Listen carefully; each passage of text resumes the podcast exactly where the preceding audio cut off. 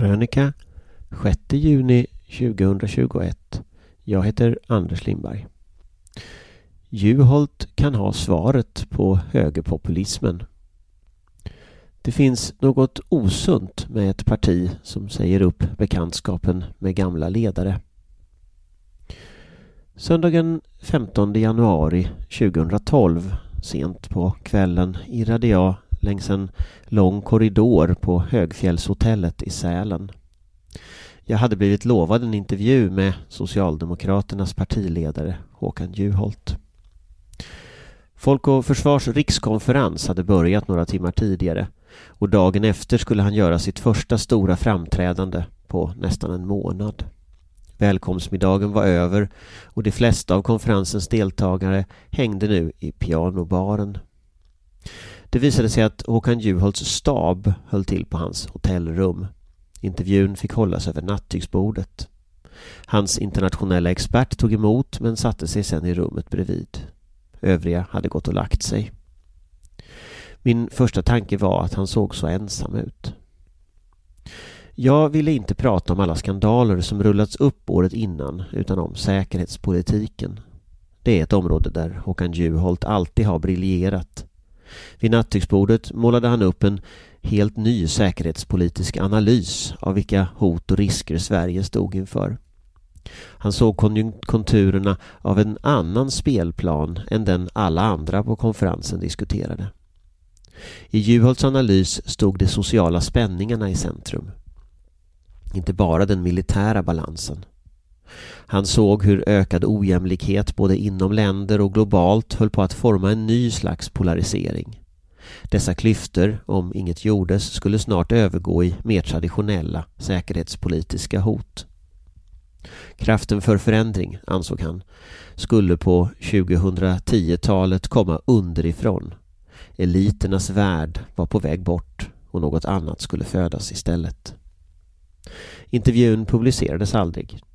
Dagen efter anklagade Juholt på en pressträff SD för att ha avskaffat den allmänna värnplikten, vilket var fel. Jimmy Åkesson satt inte i riksdagen när beslutet fattades. Och så var en ny cirkus igång. En vecka senare hade Håkan Juholt avgått. Men jag tänker ibland på vad han faktiskt sa där i Sälen. Alla blev så överraskade när eliterna några år senare fick på nöten genom Donald Trumps gräsrotsrörelse, Frankrikes gula västar och Brexit.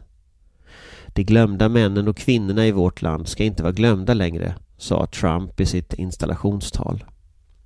Det skulle nog Håkan Juholt också kunna säga i den regeringsförklaring han aldrig fick hålla. Inte för att Trump och han skulle dela lösningar men för att Håkan Juholt flera år före alla andra såg kraften i just den tidvattenvåg som idag driver västvärldens politiker framför sig. Jag är inte förvånad över hans framsynthet. Juholt har alltid haft förmågan att se runt hörn. En gång för nästan 20 år sedan var jag politisk sekreterare för Socialdemokraterna i försvarsutskottet där han var vice gruppledare och ordförande i försvarsberedningen. Han var likadan då, alltid två eller tre steg före i analysen. När jag ser Tom Alands dokumentär, partiledaren som klev ut ur kylan, om Håkan Juholt som ligger på SVT Play så slår det mig hur lite svenska folket egentligen har fått se av Juholts många bottnar.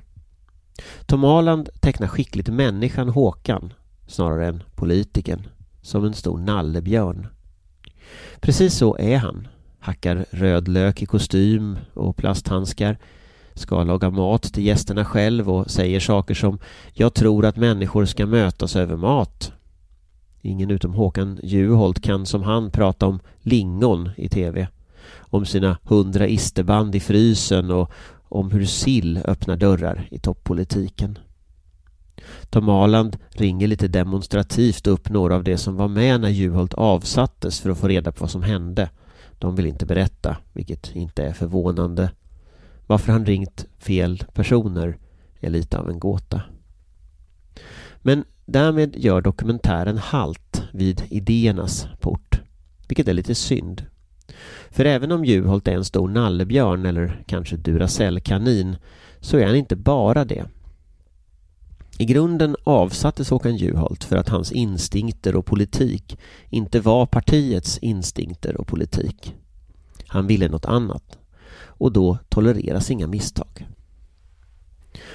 Eliten var så att säga inte överförtjust i analysen att dess tid var över. Den tyske historikern Reinhard Koselleck myntade en gång uttrycket ”vergangene Zukunft” förfluten framtid om den framtid som aldrig blev när historien tog andra vändningar. Håkan Juholt som statsminister är ett exempel. Just den möjliga framtiden virvlade bort där på Högfjällshotellet 2012. Men tänk om. Det Håkan Juholt visade är att vi nog läst den politiska kartan över 2000-talet fel. Den stora berättelsen börjar inte i de hunsades revansch utan i att eliten börjat se ner på dem som föder den. På senare år har höger-vänster-dimensionen kompletterats i debatten med en skala mellan frihetliga och auktoritära värden. Men om vi ska lyssna på Håkan Juholt handlar dagens politik bara delvis om detta.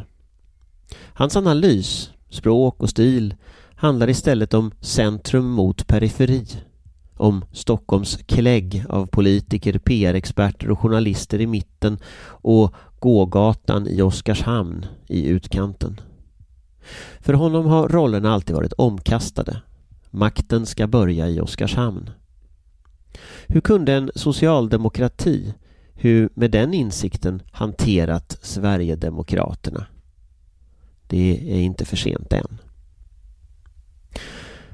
Håkan Juholt gjorde många misstag. Hans budget, där han inte höjde a-kassan, retade upp LO. De många turerna om Libyen gjorde att partiets internationellt engagerade surnade till. Hans felsägningar var notoriska.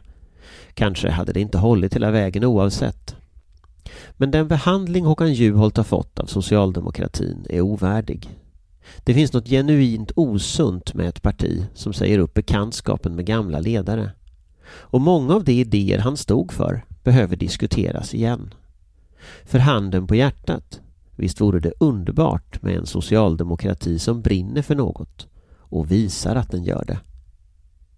Håkan Juholt bör, liksom Mona Sahlin, få komma in i värmen igen. Den breda kyrka som är arbetarrörelsen behöver de båda. De flesta socialdemokrater gick trots allt inte med i januariavtalet.